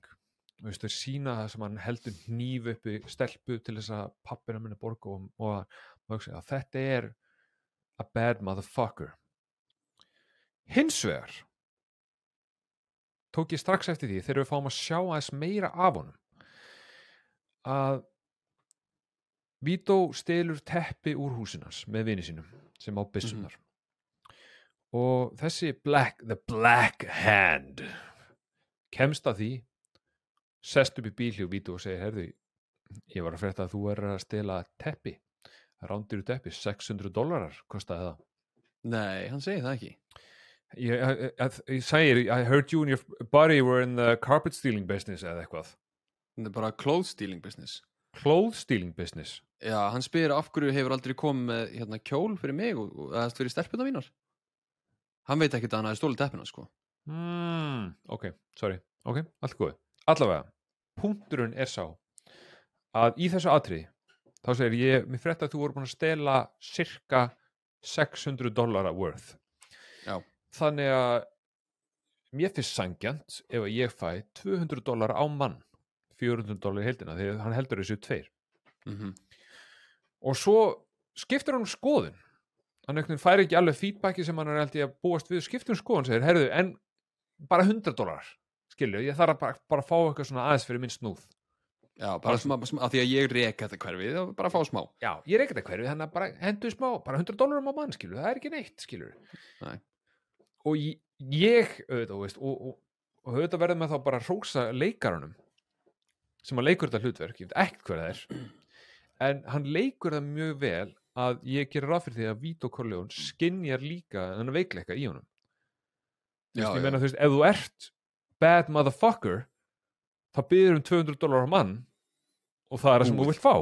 Já, bara búið spil. Búið. Þetta, er bara- þetta er bara það sem þú vilt fá og, og, og, og komið En svo líka, líka náttúrulega kemur aðeins setna í myndinni að hérna, við sjáum bara og þú veist, þá meina ég setna í myndinni bara aðeins setna í sögunni hjá Vító að hérna, þessi gæi hann, hann, er, hann er bara hættur að nenna einhverju extortion dæmi, skilur hann er bara, ógslag ánæður með statusin sem hann hefur, allir þekkjan og þú veist, ef hann græði smá til hliðar og, og það er mér sér líka búið að taka fram að þú veist, ef maður hans er ósáttu með hann af því að hann er að lega fólki komast upp með ómikið að dóti mm -hmm. En, en, en mikilvæg líka í þessu atriði uh, sem það sem við sjáum hvað hann er bara svona lappandi um verandi kongurinn þá sjáum við að hann er með ör hérna yfir hálsin já, sem að maður hefur ekki séð áður eða tekið eftir allavega ekki ég. Og þá hugsa maður einmitt ok, þessi gæi var bad motherfucker sko. Mm en hann er bara greinlega komin á þann stað að hann, hann er meira hrifun af status heldur en einhver öðru. Já. Ég meina, hann er softari. Og Vito Corleone skinjar þetta og segir við eh, fer með skilabóðin tilbaka til vinnum sem segir, heyrðu, hann veit að við skuldum pening hann vil að fá uh, 100 dólar á mann 200 dólar þetta atrið sem fylgir því er pínu svona ég veit ekki alveg hvar ég á að hafa það. Að þessi The Black Hand vill 200 en hann segir gefið mér 100, 50 dólar á mann gefið mér 100, ég sé um restina. Svo hittast þeir hann afhendur honum þessa 100 dólara og ég veit ekki hvað gerist í þessu atriða því að hann segir þessi Black Hand segir bara, herðu hérna er allt í góðu? Þú ert með balls og ég skal finna vinnu fyrir þig. Já, basically bara þú veist hann vildi fá peningin, hann var ekki með allan peningin og hann bara ok, heyrðu, you got balls kid. Uh, að því að Vito segir bara við hann, þú veist sorry en það er búið að vera rólara hjá okkur núna við eigum ekki hennar pening til. Og hann bara eitthvað, eða ég vantur ykkur að vinnu láttu mig vita. Sem er náttúrulega hann basically að búa til auka tekir fyrir sig að því hann myndi alltaf taka þeim. Já, en þetta er en þetta er samt mjög ég veit ekki, þetta er, þetta er furðulegt eða furðulegt, fyrir mér furðulegt aðtrið að því leiti til að ég meina beint í kjölfarið þá, þá fylgir honum, þá fylgir Vító honum. Fylgir sem er á labbækjandi göttuna sem hann er í svona hvítu jakkafötum the black hand í hvítum jakkafötum bara svona til þess að kontradikta allt sem hann er. Labbandum, veifandi butta beni, dúta beni já, þá er þetta atriði sem ég var að tala um sem sjáum örið og svona. Svo sérðu urið það sem hann er bara uh, fólk elskar hann greinilega og, og hérna út af óskiljar ástöðu menn hann er að þvinga peningur í en svo er hann vít og eldir hann heim til hans veit greinilega hvað hann býr er mættur inn til hans. Hann opnar hurðina og hann skýtur hann tvissvar og sen einu í viðbútt já, ég held sko hann skinjar weakness. ég, já, ég held nefnilega að momentið sem hann samþykti að taka bara 100 dólara í staðin fyrir, ég var að rétt að í staðin fyrir, eða, rétt fyrir uh, eitthvað uh, í staðin fyrir 300 af því að hann, hann vildi 300 dólara hann vissi að það var þrýr og Vító segir mér þess að við félaga sína tvo farið þið til hans fyrst og segið já, já, já, við gerum allt til að rætta peningnum. Og svo fer ég setna og borgunum bara minna. Um, en að taka eitt þriðja af því sem hann vildi fá og meiri segja að þú veist eitt sjötta af því sem hann ætlaði að upprunalega taka ég held að það hefði nelt í stein að Vító hugsaði ef ég drep þennan mann þá get ég bara tekið við. Af því að þetta er augljóslega orðið mjög vík gæi, þú veist það er bara power vacuumin í gangi, það verður hann engin ég er bara að drepa hann, Já. taka við. Og ég, og ég meina þú veist og við, við skinnum það að horfa á það, hann er orðin vík og eins og því, og, veist, og það er mjög vel gert hjá leik, mér fannst það mjög, mjög, mjög leikið. Þetta er svona, þetta er svona random leikari. Ég meina þú veist, hann er jú, jú, hann spilar stóran part í sögunni þannig séð, en ég meina þú veist, þetta er bara ekkur gæi en, ég að horfa á myndina skinjaði hvað hann var orðin vík bara svipriðum og hvernig hann var. Já, og ég meina þú veist, það, það er náttúrulega hægt að taka af neinum leikari í sér mynd sko. Ég- algjörlega það, er, það er ótrúlega eins og að tala um þessi gæi sem er basically bara, hann er bara auka auka hlutverk sko, samt bara fullkomið En þá komum við að því sem að trublaði mig að fyrstu liti, eða svona að einhverju liti. Hann skýtur hann og ok, hann er döður. Black Hand er döður, Vito búin að skjóta. Svo skiptum við aftur yfir á Michael, svo skiptum við setna aftur yfir henn. Og þá er hann orðin einhver maður þarna í hverfinu. Jú, jú, fyllin í eðurnar, auðvitað er það hægt. En það er ekki það sem ég vil þegar ég er að horfa á þetta. Ég vil sjá. Ég nenni ekki að fylla upp í eður. Ég vil að mér sé sagt framhaldið af þessu og hvernig er hann allt í hennu orðin aðal maðurinn. Það er allir hrætti við hann allt í hennu. Hann hittir hann einhvern gæja sem er að reyna að reyka ykkur gamla konu húsinu sinu. Hann spjallar við hann og segir, herðu, talaðu fólki í hverfunu og kótu sér aftur. Maðurinn gerir það, kemur skítrættur tilbaka. Hvernig? Hvað gerist? Af hverju er, eru allir skítrættir við hann? Hvað gerði hann til þess að, ég veit að hann skaut hennar gæja, er það eina sem hann gerði? Hvað gerði hann meira? Ég nenni ekki fylla upp í segður. Ég var að horfa á þrjá klukkutíma og 20 mínútur á þessar mynd, ég á ekki þurfa að fylla hennar fokkin eður. Sérstaklega á En það- sögunni sem er en- áhugaverð. en, en hún er náttúrulega basically ekki þannig að það- ekkert að byggja um að í það mikla reyður hann skaut valda mast, mesta mannin í hverfinu hann hefur mikla virðingu. Sambyrlum það það er, speiklun í einu atriðinu. Það er að gæin hann sem að Black Hand, hann lappar eitthvað á gautunum uh, tekur bara appelsínu, byrjar að borða hana og er bara svona alltaf, þú veist, hann he- heimtu fyrir gæjunum. Hann á hverfið Mm uh, Vito Corleone ætlar að kaupa sér appi sínur er búin að taka upp peningin, ætlar að borga og gæði segir, nei, nei, nei, nei, nei, þú ert ekki að borga, þú ert ekki að borga. Og Vito svarar með því að segja hei, ég á inni hjá þér greiða ef þið vantar einhvern tíman eitthvað komdu þá bara til mín. Veist, hann er að byggja upp veldið sitt á virðingu og ótta með því að þú veist, ef einhver gerur honum eitthvað þá svarar hann virkilega fyrir sig sko. 100%. Þannig að þú veist, og líka sko, eitt sem að ég vil, ég, ég er alveg sammálaður, ég hefði alveg viljað, og það komur á óvart, það er svo langt síðan, ég hef bara hort á þessu mynd einu sinni, og það er svo langt síðan ég hort á hana, að, hérna, það komur á óvart hvað vítókablið var stuttur, mér fannst að hann haldi verið lengri, en myndinni til varnar, þá er þessi kabli um vító, hann er bara eitt kabli í fyrstu bókinni, Já. hann komst ekki fyrir í fyrstu myndinni, uh, þannig að þeir ákveða að setja hann þarna, og öll sagan um Michael sjálfan, hún er frumsamin. Já. Um,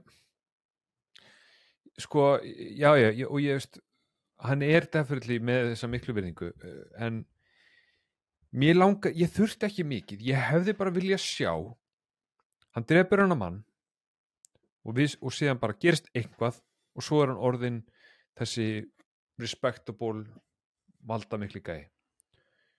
Ég hefði vilja sjá bara stutt hvað gerðist næst.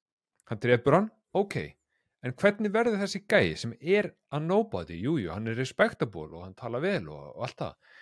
En hvernig verður hann þetta? Það er raun ekkert sagt fór hann og hitti þennan mann sem að stjórna hverjunu sem að var að tala um að þessi black hand var hann softari?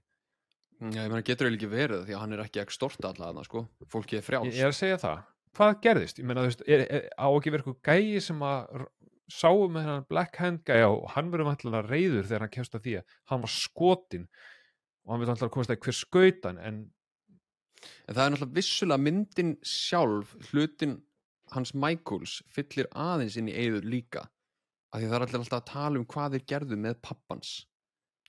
Vissulega. Veist, þeir eru að tala um hann að þeir eru voru að keira ykkur bíla og smikla þessu og hinnu Roth er alltaf að tala um það. Já, já, já, og Frankie líka. Og, og í gömlu vídeosögunni þá talar hann um gæja sem heitir Frankie sem hann bara er ekki búin að hitta skilja hann. Eitthvað, já, Frankie hérna í hverfunu þannig að þú veist það mögulega, en ég, er- ég, er, alveg, ég er alveg sammálaðir, ég skal gefa þér þetta, ég hefði alveg viljað meiri vídeo sko, Já, ég, veist, ég, ég, mér fannst þú saga miklu skemmtilegri og áhugaverður heldur en Michael sagan. Af því að Michael sagan er um, hún er rosa dimm og hann er svo rosalega uh, rough. Hann er rosalega rough og sko eh, við erum alltaf, nú erum við búin að tala um þetta við getum, það er hægt að tala um þessi myndir og við getum verið hérna að þræta endalust já, En- við erum komnir bara í klukkutíman sko. Við erum komnir í klukkutíma en, en það er samt, veist, það eru nokkur hlutir viðbót. Ég menn þessi myndir þrjú klukkutíma 20 myndir og það er kannski ventalegt að þáttin verða aðeins lengri. Um, fyrstu tveir tímanir af þessari mynd eru mjög skemmtilegir og kannski rúmlega tveir tímanir mm um, það sem er verið að skipta á milli og báðsögurnar eru mjög áhugaverðar. Um, síðasti klukkutímin hann, ég meina ég, hann var ekki er, erum við þá ekki sirka báta miða við þegar myndin segir hlje af því að það kemur í þessari mynd kemur bókstur upp á skjáin hlje jú, kannski aðeins setna af því að þá er, þá er ég tjekkaði bara hvað er, hvað er mikið eftir að myndinni þegar hlje kom? Þá er sléttu klukkutími eftir. Já, jú. Um, þá erum við komnir svolítið þangað, við erum komnir í Michael partin. Við erum komnir í trialið já, já, já, ok, já, það er, já, ok. Við erum komnir í trialið um, það sem að Michael er mættur og þú veist, jú, jú og er, er, veist, það er verið að kæra. Sú, sá partur er áhugaverður þannig að við erum að fara lengri en það áður en að mér fór að vera svona mm, ég veit ekki. Þú veist, þetta er mér fannst síðasti parturinn af þessar mynd Michael er rosalag dimmur og rough. Hann, já, ég, sko, við erum greinilega aðeins og öfur í skoðuna því að ég mér finnst hann geggjaður bara að því leiti að þú veist myndin fjallar um the downfall líka af fjölskyldinni og upp að þessu marki eins og eftir trælu og svona þá er maður svona að spá hvað er samt fall fjölskyldinar Þetta, hún er ekkert að falla þannig séð en svo náttúrulega bara verður hún eins og segir hún verður ógæsla dark. Já, já, og veist, hann veist, og ég meina hann fer náttúrulega í gegnum veist, the shits við byrjum á Fredo, elsku Fredo sem að verður bara uh, heimskari og heimskari með, eftir þessi líðramyndin og, og svíkur hann og, og, vill meira og vill meiri virðingu en, en er vittlus en, en, en tekur það sem sérstaklega fram að hann sér það ekki. Ég er klár. Já, það minnum alltaf þegar menn segja svona. Og horfður eitthvað sem hann Game of Thrones? Já, já.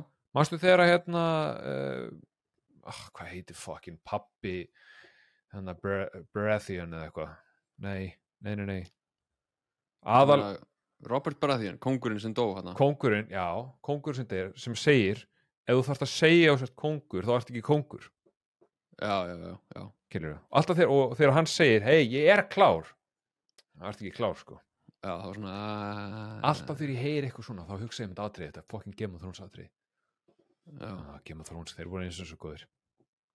En, þú veist, Freyr og Svíkur uh, við erum komin í trial þar sem að Frankie svíkur hann konan hans svíkur hann í hans huga að sjálfsögðu Já, Með sem að þú veist, frá hennar sjónarhóðni er hún ekki að svíkja hann og ef við höfum séð myndina frá hennar sjónarhóðni þá væri við að horfa á geðsjúkling sem að, uh, sem að konan sér reyna að sleppa sko. 100, og- sem hann er, hann er geðsuglingur þannig að hún er ólétt og hún abortaði baby um, og segir hún það og það Mhm. er greinilega bara mesta sem til þannig að það er bara verið að svíkja hann úr hans huga auðvitað uh, endalust Meistarlega leikið aðeim báðum, vákvæða á vil ekki aðri. mjög, veist, og öll myndin er við leikin veist, það er ekkert út á þess að mynda að setja að varðið leikara. Ekki, ekki, ekki einu, einasta hlutverki er leikari ítla staðstur en þú veist, þetta er bara þetta verður bara dimmara og dimmara og dimmara, dimmara og meira fokk og ég meira þú veist í öllum þessum tilfellum hugsa maður, ok Frankie hann hjælt að Michael alltaf drepa sig. Þannig að skiljalega er hann tilbúin að henda honum undir rútuna. Konan hans sér hann sem geðsugling sem hann er. Skiljalega vill hún ekki meiri börn með þessum manni því að hann er eh, bad news. Bróður hans er vitlisingur, hann sveikan ég, ég áttaði mikið alveg á því á hvaða level hann sveikan en, en sveik er bara sveik. Ég meni, ég held að, sko, hann alltaf sveikan með því að segja honum segja þeim nákvæmlega hvað hann er í staðsettur hvernig herbyggi væri, hvað hann var að gera þannig að þeir myndu geta drepið hann inn í herbygginu í byrjun á myndinni. Var það? Já, því að Freito segir, ég vissi ekki að þeir myndu reyna að drepa þig.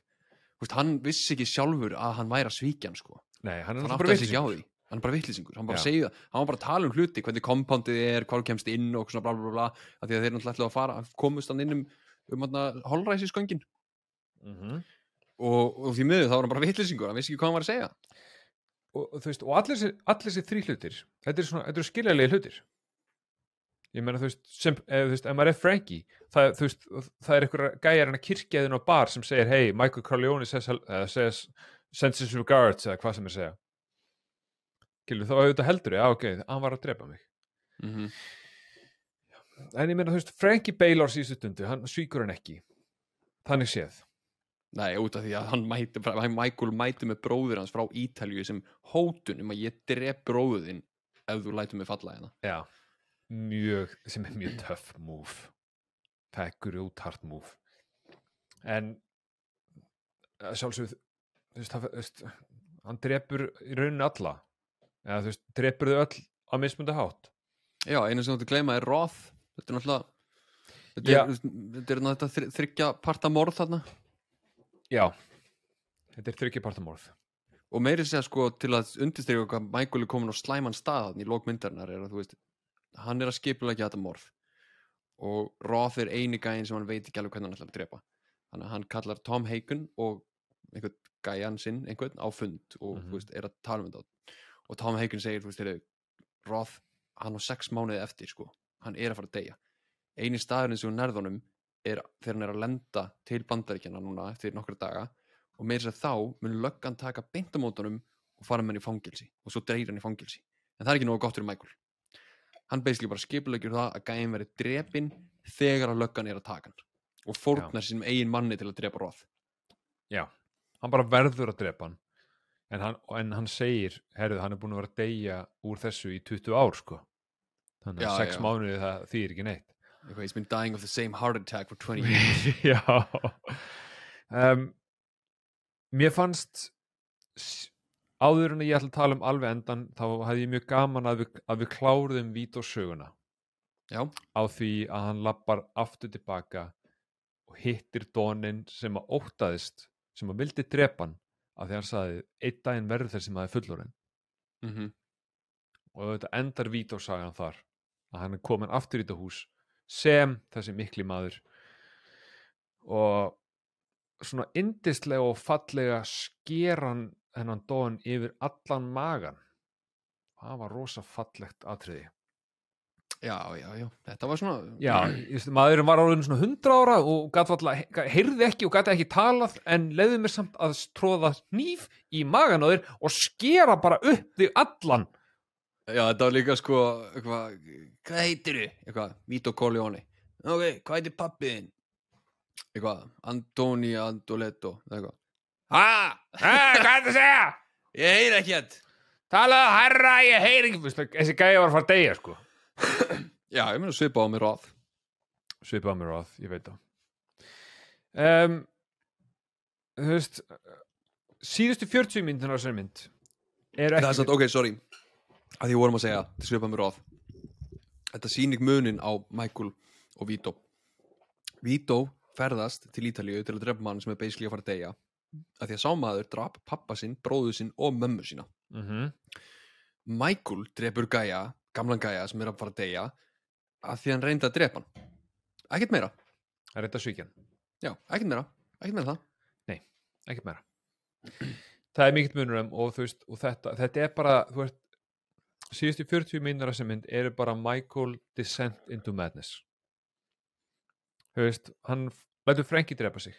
Hann hendur konun sinni út af því að hún vill ekki vera með hann eða hún, vill taka börnin skiljalega, hann er psykopath uh, hann fyrir með bróður sinna á bát og skýtur, hann- skýtur hann. Og svo er hann bara einn og miserable. Og, og þetta eru allt löng, at, löng atriði. Þú veist, það er verið að segja sögu í kringum þetta allt saman en það er samt augljóst hver endirinn er á þessu öllu. Hann er að fara að drepa bróður sinn. Frenki er að fara að deyja. Og konan er að fara að byrtu veist, hann, hann vill ekki við neitt með hann að hafa. Og ráð þeirra að fara að deyja Og- náttúrulega- Ro- en, Roth Atter er stysta af þessu sko. Já, það Kay er náttúrulega löngu farin sko, eða löngu farin, þú veist. Það, það, Kay fer, svo kemur skipulagningin á þessum þrem morðum já, og ég var, og ég var að lesa mjög aðtiklisverða áður en að við, hérna, þegar ég var undirbúið þáttin ég las mjög aðtiklisverða pælingu frá einu gæja sem að sagði það að karakterinn Michael Corleone uh, er svo obsessed með völd. Og þegar að Kay fer frá honum eins og hann er búin að tala hann tala við móðu sína fyrir myndinni og segir hva, hva, hvernig held pappi fjölskyldunni saman? Þú veist, ef að fjölskylda mín fer frá mér og hún er eitthvað, konan fer ekki frá þér. Og hann er eitthvað, þetta eru breytið tímar, hún getur að farið. Svo fer hún og þetta er eini sko sigurinn sem Michael Corleone hefur þurft þóla og, og, og líka mestun, mesta niðurlægingin af öllu er að fjölskyldan hans fari frá honum. Já þannig að veist að þaðan kom í rauninni loka klikkið að hann sé tilbúin til að drepa Roth sem er, sem er að fara að deyja bróðir hans sem er veist, aldrei að fara að gera ráð fyrir því að einhver sé að fara að drepa sig og svo gæja sem er í fangelsi til dauða. Veist, þetta, er, þetta eru þrjú mjög aumingjaleg morð. Já, þetta er það. Þetta er sem að tying up loose ends á sögunni skiljanlegt. Sem áhorf fyrir mig var þetta allt of langt. Ég mér fannst þetta allt veist, ég veist, ég, maður maður veit hvað er að fara að ske maður veit að þau eru að fara að deyja maður, maður sér það bara á hann hann er orðin gjössalega búin að missa hann er ekki neitt nema bara fucking tómur og miserable og mér fannst þetta fannst, ég meina þú veist kannski spilar inn í hvað, hvað það er ég er búin að horfa lengi. Já, Mögulega. og kannski líka á hvað klukkan var orðin margt. Já, herðu rólegur Mm. ég, hérna, nei, nei, ég var ekki honum þreyttur. Nei, ok, afsakið. En uh, ég þetta voru, þetta voru á langt fyrir mig. Þessi, þetta, þessi síðustu 40 myndir voru á langar. Mér fannst það óþarfi um, til hvers eru þær? Jú, jú, það, það eru hann til að sína að hann sé gjössalega búin að missa í rauninni allt. Já, en ég líka, sko, ok, sko, ef ég bæta hans inn í. Mér fannst það ekki langar það eru, það eru langar, en mér fannst það ekki of langar. Um, að því að morði, sko, þetta er svo mikil speklun á, sko, byrjunin á fallinu er þannig séð endurinn á fyrstu myndinni þegar hann dreipur fimm fjölskyldunar mm -hmm. og það er, hvað, max fimm mínútna atriði. Já, og endurinn geggjað, já en, og það er líka bara svona, þú veist ekki, og maður heldur þá að þetta sé ekki byrjun á endinum heldur, þú veist, byrjun á stærra veldi sem að Michael er að byggja. Mm að þetta er hratt, punchy, hann drepur alltaf skipulagt, mjög cool, hann er með fjölskyldunni sinni.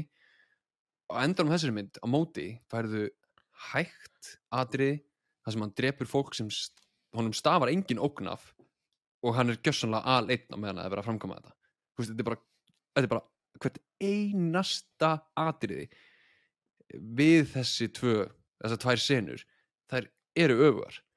Uh, við fylgjumst með Michael með fjölskyldur sinni með þess að degi til í gott verið tvö þá er kvöld þegar allt þetta er gerast og hann er að hugsa út í þetta skilur og það stendur hann einn. Og við finn, við finnst þetta bara að vera svo geðsjúklega vel svona full circle moment á báðum myndum. Mm. Um, ég er algjörlega samanlegaður en bara ólant fyrir þig. Þú veist, ég, skil- ég skil það en alveg sko. þetta er sko þetta er bara of mikil full circle pæling. E- ekki þegar þú ert að horfa. Þú ert bara þegar þú ert bara inn í myndinni að horfa.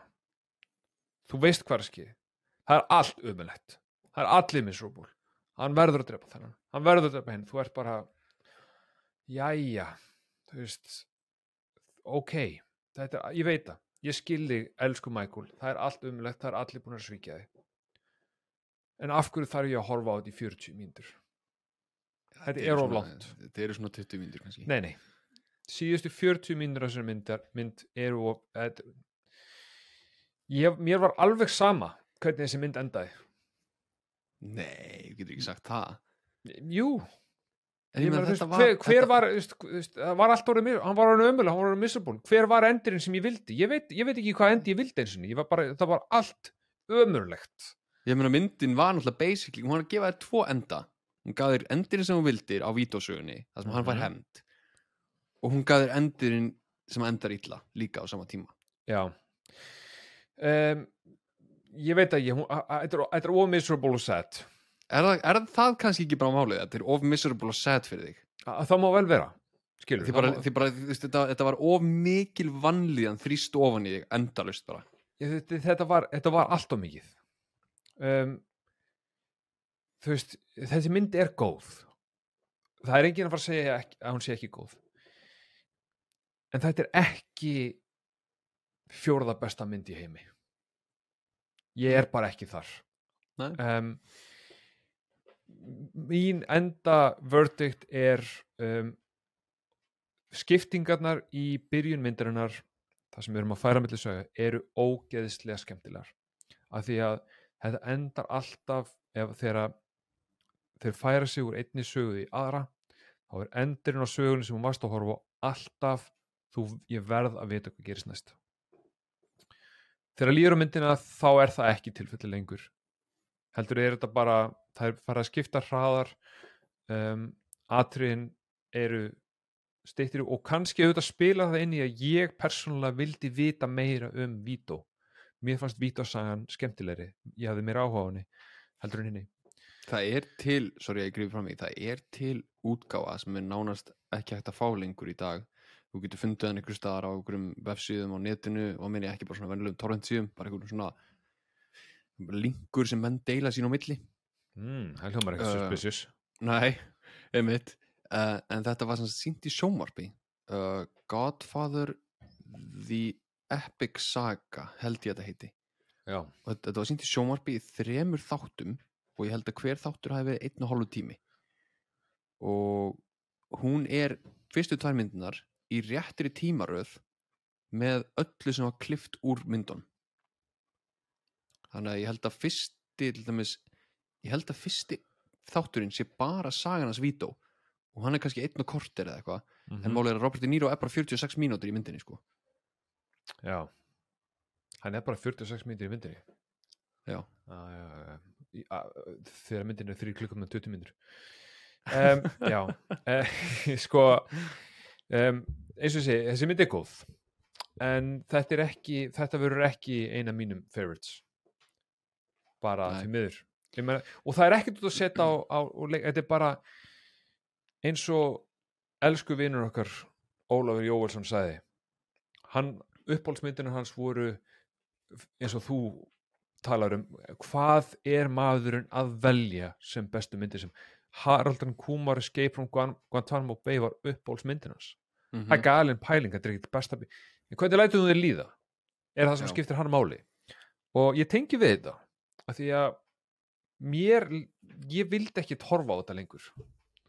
Það var bara Nei, miserable umulegt og ég var bara ég er bara hann góður sko. Ég er bara hann mettur af miserable shit. Takk En ég mitt, þú veist, vel þetta að gott var 1 og 2 sem bestu myndir sem gerðar hafa verið og lít eiginlega á þær sem eitt bara eina mynd, nánast. Um, Þetta er ekki uppbólsmyndina mínar. Þær eru þungar, þær eru langar, þær eru erfiðar á köflum. Já. Já, gott eitt Ég- miklu betri Ég, ah, ekki segja svona þú veist, já, ok. Betri. Ég er samt með, hún er bet, já, ég veit það ekki þær eru svipar, mm ég er með eina kvörtun. Eina, það er eitt hlutur í þessari mynd sem ég vilja breyta. Ok, wow, og að því að ég vildi ekki breyta einu gott var eitt þá er hún betri myndin. Byrju, var ykkur að borða habanero? Því að hlutinir er bara að spæði Bæði. Þetta er rosalega, nei, þetta er rosalega lítil breyting. Æ, ok. Alveg rosalega lítil myndin endar á atri þar sem að við komumst að því að Michael er búin að skrá sig í herin hún er rauninni, myndin endur rauninni á um, loka kaplanum í sögunans Vító. Það sem hann er, börnin eru búin að alast upp og þau eru öll að, veist, Michael er fyrir skóla, krakkarnir eru að hjálpa til við fjölskylduna skilur og svo framvegis Kemur svo Og- ekki pínu atriða sem að situr einn á bekk? Það er eina atriði sem ég hef blitt klipp út. Ah, og það er ástæða fyrir því. Ok. Að því að hérna í þessu atriði þá eru þau eitthvað að rífast og eitthvað bla bla bla og allir eitthvað og Michael eitthvað, heyrði, já, ég skráði mig í herin og Sonny brjálast eins og hann gerir og, og, og PS uh, hérna, gænsilegur Sonny, hann James Caan, hann fekk jafn mikið borga fyrir þetta eina atrið og hann fekk fyrir gott að það er eitt. Um, galið. eðlilega. Uh, já, eðla en hérna, planið var að Marlon Brando myndi mæta hana en hann mætti ekki á set. Hann mætti ekki á sett Nei. ég meina atriði spilar eins og hann sé komin þú veist þeir sita við borðið, þeir eru að tala um þetta og svo kemur, ei, hann er komin Nema, já, hann hann átti að koma inn í stofuna sko, en hann mætti ekki á setið. Nei, nei, þannig að Coppola þurfti að endur skrifa atrið aðeins en út af þessari, þessari hérna, skemmtilegu tilvílin að, að, að hann, Marlon Brando hafi bara sagt fuck it, ég ætla bara ekki að fara. Mhm. þá hérna endar atriðið á því að Michael situr aðleitt við mataborðið og öll fjölskyldun hans er frammi að tala við pappa hans en hann situr einn eftir. Þarna hefði myndin átt að enda. Já, af því að þegar þetta var að gerast þá hugsaði ég bara hann fór bara 100% full circle. Hann fór bara upp og hann hrundi niður og þarna er bara, við erum basically að byrja á sama stað og við erum að enda. Já, og ég hefði ekki þurft að skota á hann um sitjandi ein, einn á okkur back ég, ég, ég fattaði pointið, hann er einn og yfirgefin já, ég, já. þarf ekki, ég þarf ekki að fá klippinguna yfir í svo hann gamlan að sitja einn á back Við erum, ofan á það að þetta samtvinnar sögunars Vító og sögunars, þó að Vító sjáist ekki þá samtvinnar þetta söguna er að bekkja í einu atrið já, ég, ég er sammálaður um, með þetta bækjaratriði um, veist, við, við vorum búin að vera að horfa á hvernig hann verður einn, við vitum hann er einn. Mm -hmm. við þurftum ekki vídeo sönnunugögnum að hann væri einn. Það var augljóst. Já. ég með þú veist, hann stendur hérna einn horfðun gluggan á vatni þegar bróðan sér skotin Kilu, hann er alltaf einn. Þannig að ég samlar um, þetta var óþörf einu menn veist þetta ég held að þetta hafi haft meira áhrif á þig heldur en mig. En, já, ég hugsa það en einhver sér, við erum allan bara að horfa. Eitt og tvö Godfather um, Já, við munum taka þrjú, það er, er ástæð fyrir því. Ég, ég man í byrjun eða einhvern tíman í þessum þætti þegar þú segir ég ætla ekki að láta það horfa þrjú. Nei, svo myndi ég eitt. Ég myndi eitt. Aja. Ég hef ekki séð The Godfather 3 Alvöru Godfather 3 af því að alvöru Godfather 3 kom í fyrra. Uh, Þessi mynd er universally basically bara disliked með við hinna tvær myndinar hún er ekkit slæm en, en með við 1 og 2 þá er hún bara hún er ekki í sama kaliber. Nei. og fyrir tveimur árum síðan þá tók Francis Ford Coppola Godfather 3 og endur kliftana eins og hann vildi alltaf hafa hana. Og sú mynd fekk mjög góða dóma. Ok. Þannig að við þurfum að horfa á þá mynd. Ég hef ekki séð hana. Ok, já ég menna þú veist ég ætla ekki að láta eins og ég hafi einhvað um einhvað að segja í þessum þætti að því að ég bara horfa á bíómyndir ranta um hvort þessu góður að slæma þar og, og, og hér eru við. Þannig að frábært. Um, ok, gott fæði þrjú á einhver tímúti en Sigurjón Ertu búin að velja mynd fyrir næstu viku eða? nei, Nei, nei, en mér dætti mynd. Ég, ég, ég- mér dætti hugmynd, ég er búin að ákveða. Uh, þó ég hafi panikað í smástund þá á hérna mundi ég. Já, ég heili mér svo fljótur sko. Quiz, kass, kass, kass, búm, búm, búm, búm, búm. Hann veit allt sko. Speed. já, uh, Inception. Inception myndi sem ég valdi. Já. Það er Ok. gott að vera með fallback plan, Inception. Já, já, já. Jæ, er ég búin að velja mynd? Er sem er búin að velja mynd? Hvað er að mér? Ég meni að sjálfsög varstu búin að velja hana við allir. Já, við frestum henni þá bara. Við frestum henni bara. Bara með eina viku. Um, Sko, fyrir ykkur sem að ekki vita þá hérna, tókum við í ármáta þættinum okkar þar sem við vorum að taka top 3 uh, verstu, bestu uh, myndir, leikarar, alls konar sitt góð þáttur, eða er ekki með lust á hann, væli með. Um, þá bað Sigur um mig um að velja eina mynd sem að ég hafði eitthvað tíman eða alltaf ætla að sjá en var aldrei búin að koma í það og ég sagði Inception er mynd sem ég downloadaði með þessu á sínum tíma en ég ítti aldrei á play. Þannig að hann er greinlega að hlusta á það og, og það er næst mun ég sjá eftir því ekki, það kemur ljós það kemur setna ljós. Hmm, held ekki. Um, en það er líka fínt. Ég veit, að, ég veit ekki hvort að þú munir hvað mynd áttu að vera næst. Ég man það, ég veit ekki okkur í brainfart það er svona feitt. En það er gott að frestinu viku, ég ætla ekki að segja nefnum hvað mynd þetta er. Því sem er að hlusta, það kemur ljós en það er gott að frestum um einu viku að því að mér langar eiginlega ekki Tryggvi, að þið líði svona ógeðsla illa tvær vikur í röð. Hmm, veit ég hvað mynd átt að vera? Ættir að vita. Hmm. að því að við ætlum að taka tvær myndir í röð með sama leikara. Ætlum að byrja ah, við ætlum að taka danskar mánuð. Við ætlum að taka, já, við ætlum að taka danskan ish mánuð. Ætlum við ekki að taka ja- jagtenn eða eitthvað já, já, já, ok, jú, við ætlum að taka jaktin sem næst, jú, það er rétt, við ætlum að taka jaktin næst ætlum, en ég ætla að frestinum frestinum eina viku. Þannig að, við, þannig að við tökum danskan miðjan mánuð. Við ætlum að taka sem þið- bara svo þið vitið við ætlum að taka núna Inception svo tökum við jaktin og svo tökum við drukk. Tvær myndir sem sagt í miðjum mánuðin þá verðum við með tvær myndir sem eru báðar með sama aðaleikara, Mads Mikkelsen og sama leikstjóra, Thomas Winterberg. Og þetta eru tvær frábærar danskar myndir, það eru geggjaðar. Vissulega er jaktin ógeðslega mikil feel bad mynd þannig að það er kannski fínt að fresta henni og setja Inception á milli. Já, mindfokka mig aðeins í Inception. Já, mindfucka þig og fara svo beint í mynd sem fjallar um batnaröðgun Vei! ég, ha, Já, þú vissi það ekki, já, þú vissir ekki hvað hvað hún er. Nei, nei, nei, ég hef bara ég hef heyrt jagtenn en ég veit ég... já, Og takk fyrir að hlusta á Heimabíó Við erum á öllum helstu Instagram, eh, Facebook miðlunum sem eru bara Instagram og Facebook. Uh, Við erum á YouTube, við erum á Spotify Við erum í videoformi á Spotify líka. Kannski varst að horfa á okkur uh, þá bara virkilega gaman að vera með þér. Uh, Annars í næstu viku Inception, verður með okkur, horfða myndina. Hún er löng, alveg svo þessi. Ekki alveg af löng, en samt löng. Og um, heinumst og sjáumst í næstu viku bye